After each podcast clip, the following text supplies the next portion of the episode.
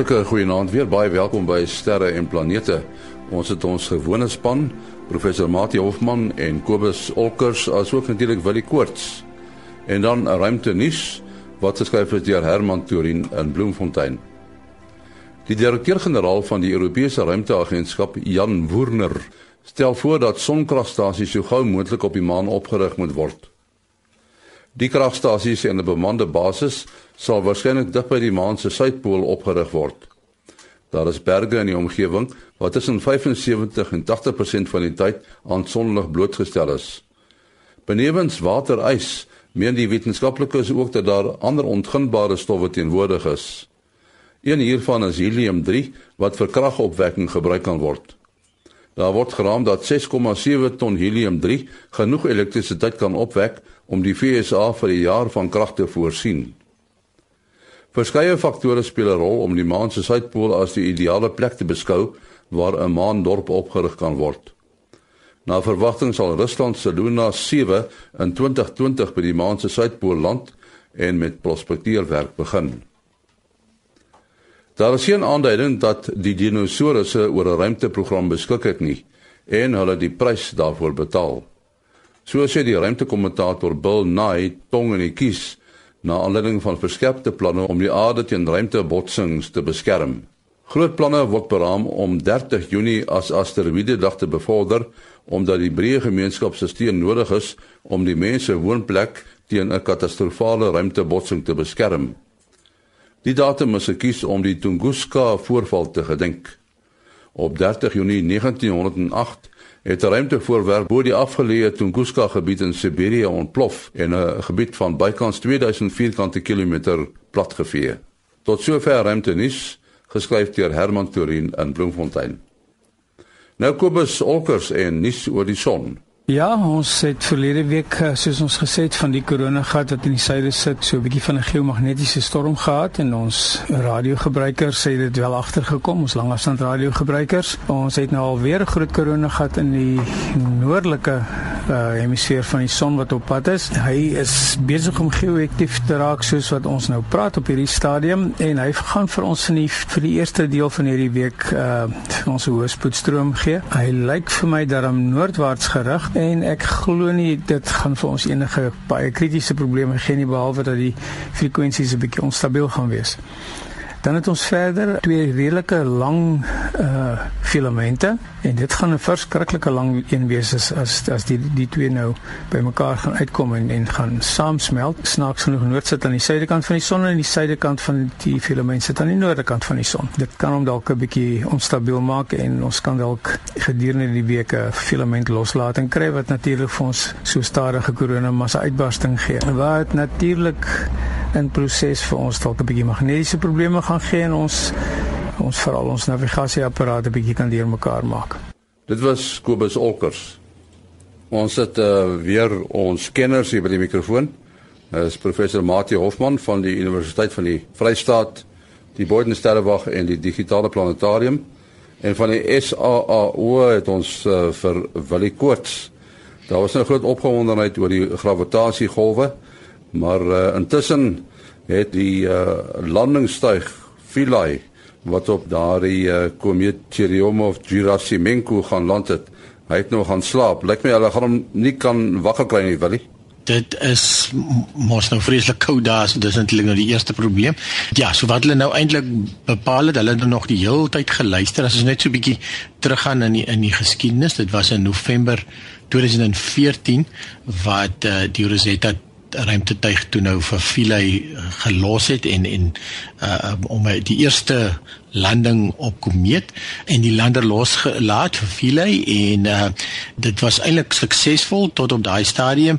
Die enigste probleem was gewees dat die harpoene want die die swaartekrag alhoewel Philae omtrent 100 kg weeg uh omdat die komeet so klein is, soos 4 km in deursnee, is die swaartekrag uh dat uh, die uh, 100 kg van filet maar iets soos uh, 10 gram weeg op op die komeet. So die die plan wat hulle gehad het is om dan harpoene in te skiet sodra die ruimtetuig die oppervlak uh raak om harpoene in te skiet in die in die ys is nou maar meestal 'n ys en 'n stofstruktuur wat waar die uit die uh, komeet bestaan.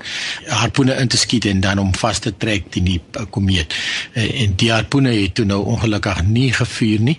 Dit het beteken dat dat Philae het toe eintlik op die ou en 3 keer geland toe nou 'n taamlike hoë hop van amper soos 'n kilometer in die lug op en toe nou weer kom land en toe nou 'n tweede tweede hop ook gegee. En lyk my nog klein hoppies intussen maar die probleem was toe uh, file het toe in die skadukant van 'n baie hoë kraans beland. Wat beteken dat die sonpanele nie meer lei nie. Nogtans het uh, uh, file 80% so file het 'n A 'n A gemiddeld gekry uiteindelik vir vir die werk wat uh, wat hy gedoen het want 80% van die wetenskapdata uh, is gedoen en afgelaai uh en terwyl die batterye gehou is, is het is die na die aarde toe gestuur en uh dit was nog nogtans 'n groot sukses. Toe het veel natuurlik nou in die in die skare weer beland en kon hy sy um batterye meer laai nie. Ehm um, intussen was die komeet nog op pad na die na die son toe wat beteken dat die beligting sou dan al hoe beter word en die hoop was gewees dat ehm um, die dit later gaan genoeg sonlig kry dat dit uiteindelik uh, iets sy batterye aan die gang kan kry. En dit het toe wel gebeur in in Julie verlede jaar dat Philae vir baie kortstondige periodes um, met uh, die die uh, ruimtetuig uh, Rosetta wat rondom die planeet uh, rondom die komeet vlieg uh, in aanraking gekom het. Ehm um, nog 'n bietjie data is afgelei, maar dit was dit was maar net uh, kortstondig. So op die stadium het uh, die is die komeet nou al 'n uh, hele een van die son af weg en die kans hulle het nou basies verklaar dat die kanse dat Philae uh, uh, weer lewendig sal word en en kan gesels is seker nou te skraal. Hulle hou nog steeds die kommunikasiekanaal oop en uh, so as enige tyd as Rosetta iets optel van Philae sal dit uit die aard van die saak uh, weer groot nuus wees. Maar um, op die stadium vlieg Rosetta nou nog steeds saam met die komeet en in Augustus vir, vir jaar gaan hulle uh, dit in 'n hoë elliptiese baan sit uh, wat dan beteken dat uh, wanneer die ellips op sy naaste is uh, gaan uh, Rosetta baie naby die oppervlak van die komeet uh oorvlieg en gaan dit baie mooi hoë resolusie fotos van die uh, komeetoppervlak uh van naderby. En dan hier op die einde September gaan Rosetta in die in die komeet ingevlieg word en dit sal dan oor die einde van die sending wees. Ja, dit is baie interessant, Mati, hoe die ouens die sukses of die mislukking van 'n van 'n sending bepaal. Hy kry nou 'n taamlike hoë suksessyfer uh en dit is uh, of teensydig met wat meeste mense gedink het nee matie Ja, dis nou wat gebeur as die ouens 'n amb, baie ambisieuse sending het en dan moet ons nou onthou daardie tuig het 'n hele paar jaar gevat vandat hy gelanseer is tot uiteindelik daar aangekom het so teen die tyd wat hy nou die laai tuig nou moes gaan land het op die komeet wat self moeilik is omdat die gravitasiekrag so swak is, was dit nie die nuutste tegnologie gewees nie. Hulle het 'n hele lys goed gehad om te doen Die eerste was om boot uh, foto's te neem terwyl die landingstyd van land het en so meer, maar hulle was ambisieus. Hulle wou geanker het, hulle wou geboor het en so aan. En uh, nou kom dit so die die moeilikste aspekte van die uh, van die doelwitte gestel is, is die wat die meeste aandag gefestig het voor die tyd. Uh want dit klink was nog nie so opwindend om te sê jy neem net weer foto's nie want dit is al baie keer gedoen. Maar die idee dat hy kon gaan land en van geboorte die moeilikste deel is wat almal op gefikseer het en dis nou die een deel wat nou nie uh goed gewerk het nie. Maar op die ou end moet mens gaan kyk wat se wetenskap is uh, het uitgekom. Hoeveel nuwe dinge het hulle geleer en ek dink dit is as hulle baie tyd moet verloop om nou alles te geheel te, te verweef maar uh, daar's baie belangwekkende ontdekkings gemaak. Een byvoorbeeld dat die isotoopverhouding van die water wat daar is is anders as ander asiede en as die op die aarde, uh, wat die teorie dat baie die meeste van die water wat op die aarde beland het, uh moontlik van komete afkom weer so 'n bietjie in die stervlieg geplaas het. Ehm um, so as mens kyk na die wetenskaplike doel wat wat gestel is, dan maak daar die uh, hoë syfer vir my sin. Wat ek nou wonder en uh, Willie wat nou baie goeie tegniese ou is, as hulle nou vandag se tegnologie sou doen, sou dit die redelik maklik wees om op daai 80% te uh, verbeter of is dit wat hulle probeer doen het om daardie pesie uh, op 'n paar maniere te probeer anker um, met die met die harpoenmeganisme ehm um, en die die, die teen vuurpylmeganisme weet uh, hoe, hoe sou jy sê sal hulle dit binnekort makliker reg kry of bly dit maar net beginsel 'n baie moeilike ding om te doen Ja, dis 'n goeie vraag want soos jy sê, die die die moeilike gedeelte is toe nou uiteindelik wat nie wat nie so lekker gewerk het. Nou ek het uh video's gesien van uh, is simulasies wat hulle op die aarde gedoen het een van die onbekendes was hoe hard en hoe stewig is die materiaal van 'n komeet. Nou dit is nie regtig goed wat ons weet nie want dit is dan nou die eerste keer wat iemand nou regtig kom land het op 'n komeet. En ek dink ook daai vraag is jy's geantwoord nou nie. Maar ehm um, uh, so hulle het nou met die meeste met die met die grootste kennis die grootste raaiskoot uh, nie net raaiskoot is natuurlik nou 'n uh, ingeligte raaiskoot.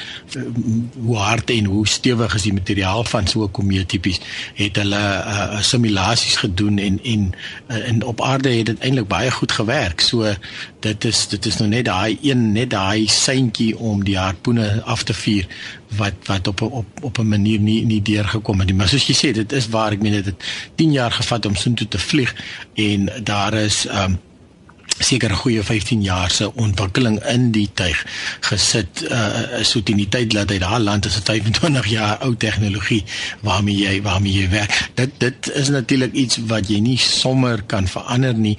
Ehm um, jy begin altyd natuurlik met die nuutste goed. Nou uh, is dit ook nie heeltemal die nuutste nie want die toerusting in Japitaal vir ons verduidelik moet sogenaamd space hardened wees. So die die omgewing van die ruimte met allerlei straling kosmiese strale en so aan is nie baie vriendelik vir elektronika nie. So uh, jy moet ook seker maak dat jou tegnologie uh, kan daardie toestande weerstaan en dit is nie noodwendig jou nuutste superduper rekenaar wat op jou tafel staan vandag nie. Die die goed is is dit moet meer betroubaar eerder as wat as wat spoed uh, die die die geval is hierso. Mati, 'n uh, ander interessante verskynsel is hierdie sogenaamde vrydrywende planeet. Dit is 'n planeet met 'n baie lang naam wat uh, ontdek is. Uh en dis interessant dat die planeet is in die sogenaamde sigbare uh veld. Met ander woorde, jy jy kan hom sien. Dit is nou 'n eksoplaneet. Maar wat vir my verbaas is hierdie vrydrywende planete wat nie naby 'n ster is nie. Ek het nie geweet daar bestaan sulke planete nie. Uh, en die naam van die planeet het 23 letters waarvan die meeste syfers is. So ons laat die naam daarso. Uh 8 keer ongeveer die massa van Jupiter uh raai hulle wat dit nie so maklik gemaak het nie om dit te onderskei van 'n breindwerg. 'n Breindwerg is eerder 'n 'n 'n ster wat nie heeltemal uh, volledig uh, aan die gang gekom het nie. Ja, hy's deel van 'n groepie sterre rondom die ster Beta Pictoris en hulle kan nou deur die uh beweging van hierdie voorwerpe en dan hierdie planeet uh Dr. Gouw kon bepaal hy beweeg saam met die groep. So hy's nie heeltemal alleen in die sin van dat hy maar daar in die interstellêre medium rond beweeg nie, maar hy's behoort nie tot een van daardie sterre nie. So uh, hy's nie deel van 'n sonnestelsel van 'n bepaalde ster nie. Uh die rede daarvoor sou uh, moes wees wel hy moes maar in so 'n saam met ander planete gevorm het in 'n skuif om 'n ster hy kan nie net daar so in die uh, tussen die sterre vorm nie, maar hy moes uitgefooi gewees het. Weet, as, as jy 'n paar liggame saam het, weet selfs al het jy drie liggame met uh, waarvan een ster is en uh twee groot uh, planete uh wel al hoef jy altyd groot te wees nie, maar die langtermyn dinamika van so 'n stelsel is nie baie stabiel nie en dan kan die een uitgegooi word. Ehm um, dit is maar 'n ingewikkelde dinamika. Uh Uh dis wat byvoorbeeld waarskynlik gebeur het met planeet Earth, nee. Uh as hy nou reg bestaan, uh dat hy stadium baie nader was, maar weens die gewikkelde wisselwerking tussen die groot planete aan die buitekant van die sonnestelsel dat hy verder weggegooi is sodat hy nou uh ongeveer 1000 maal verder as die aarde van die son uh sy draai gaan vat. Uh so dis maar waarskynlik wat daarso gebeur het. Nou wat uh, jy nou genoem het wat belangrik is van hierdie planeet wat hom onderskei van die verreweg die meeste eksoplanete wat ontdek is en daar's nou al ek weet nie heeltemal by nie maar orde van 2000 plus of min 'n paar honderd wat nou uh, definitief bevestig is. Maar feitelik almal is met indirekte metodes waargeneem. Hulle is nie self gesien nie, maar hulle effek op die sterre waarom hulle wentel uh, is waargeneem. Hierdie een is een van die enkeles wat direk afgeneem is. Uh, en dan meer spesifiek in infrarooi lig. Die eksoplanete is baie baie dof in vergelyking met die sterre wat ons sien, maar hulle het hitte en daardie hitte is geassosieer met infrarooi strale en as jy dan nou 'n infrarooi detektore gebruik, dan kan jy hulle uh, in vergelyking met die sterre makliker uh, optel. En jy hulle kan selfs infrarooi spektroskopie op hierdie voorwerp doen. Hulle kon sy temperatuur bepaal. En uh, ek sou graag wil 'n opinie daarvan hoor. Ek moet maar die uh, voorlopig vir 'n feit neem, maar dit is nogal vir 'n planeet wat nie om 'n ster wentel nie, dit is uh amper weer hele klompie 100 grade Celsius, so uh, net onder 1000 grade Celsius. Dit is hoekom hy nou nie so helder gloei en sigbare lig nie, maar daarom in die infrarooi. Uh dit is nog steeds vir ons uh dit is so maar dink aan enigiets meer uh, naby aan 100 grade Celsius vir ons al uh, baie warm. Ja, dis reg want ek het nou gou die sommetjie gemaak is 860 grade Celsius. As mens dink aan selfs Jupiter, ons jy nou gesê, uh ons praat van Jupiter uh, kan jy tot 'n mate ook beskou as uh, op pad na 'n ster toe. Jupiter is massief genoeg om 'n meer energie uit te straal as wat dit ontvang van die son. So ons weet dat ons planete in ons sonnestelsel kan ons sien skyn deur die sonlig wat op hulle val en dit terugkaats aarde toe. Maar as jy uh, Jupiter die sommetjie gaan maak dan die hoeveelheid lig wat Jupiter of energie dan nou van die son wat Jupiter terugkaats is is minder as as wat Jupiter werklikheid terugkaats. So Jupiter is ook besig om nog mekaar te te, te tuimel en dan ken ons die effek van 'n 'n fietspomp wat as jy hom pomp raak, die pomp raak die raak die uh, pomp warm en uh, soos wat die lug saamgepers word, so uh, hierdie ster is nou of uh, planeet dan nou is is agmal uh, Jupiter massa so uh, uh, waar Jupiter se se temperatuur uh, uh, sal definitief in die minusgrade wees. Ek is nie presies seker ek kan miskien opkyk. Jupiter minus 110 grade. Uh so hierdie ster is dan plus 860 so, of hierdie uh skus ek sien nou almekaar ster dis dis nie 'n ster dis 'n ster wat nie eintlik heeltemal aan die gang gekom het nie want uh daar's nie regtig genoeg energie nie. Ja so in die infrarooi is hy is hy dan natuurlik sigbaar en hulle het hom dan met die met die Gemini uh 'n teleskoop ontdek soos jy sê dis ongelooflik wat hulle al deesdae kan doen uh deur uh, direkte en en indirekte waarnemings en en SALT se se nuwe spektrograaf ek plan nou nie daarom nou ook al meer as 'n jaar of so oud kan selfs uh, dan hierdie waarnemings doen om om eksoplanete te kan ontdek. Uh, wat ek nou net uh, interessant wil noem net om te wys wat die mense reg kry omdat die uh, planeet nou nie so direk langs 'n ster sit nie, kan hulle hom bietjie beter ontleed as die ander eksoplanete wat nou so half uh verdwerg word deur die gloed van 'n ster. So hy's bietjie makliker om waar te neem en spektroskopie op te doen tot die mate dat hulle 'n goeie skatting van sy rotasieperiode het. Ehm um, iewers tussen 5 en 10 ure. Dis vergelykbaar met Jupiter se. Maar ek, uh, ek lei uit jou verduideliking af dat sy hoor heelwat hoër temperatuur as Jupiter is waarskynlik dan die gevolg daarvan dat hy baie groter is en dat daar dan uh, hierdie saamtrek effek wat hitte genereer dan baie sterker is. Ja, ja, dit dit lyk ook vir my soos hoe jy het definitief definitief energie wat in die proses vrygestel word as gevolg van die die samepersing, ja. Ons moet afsluit. Uh, Mate jou besonderhede? Uh en die selfoonnommer 0836257154. 0836257154. Wat? Uh mense kan bel SMS WhatsApp 0724579208. 072 0724579208. My e-posadres maas.henny@gmail.com. maas.henny@gmail.com. Tot volgende week. Mooi loop.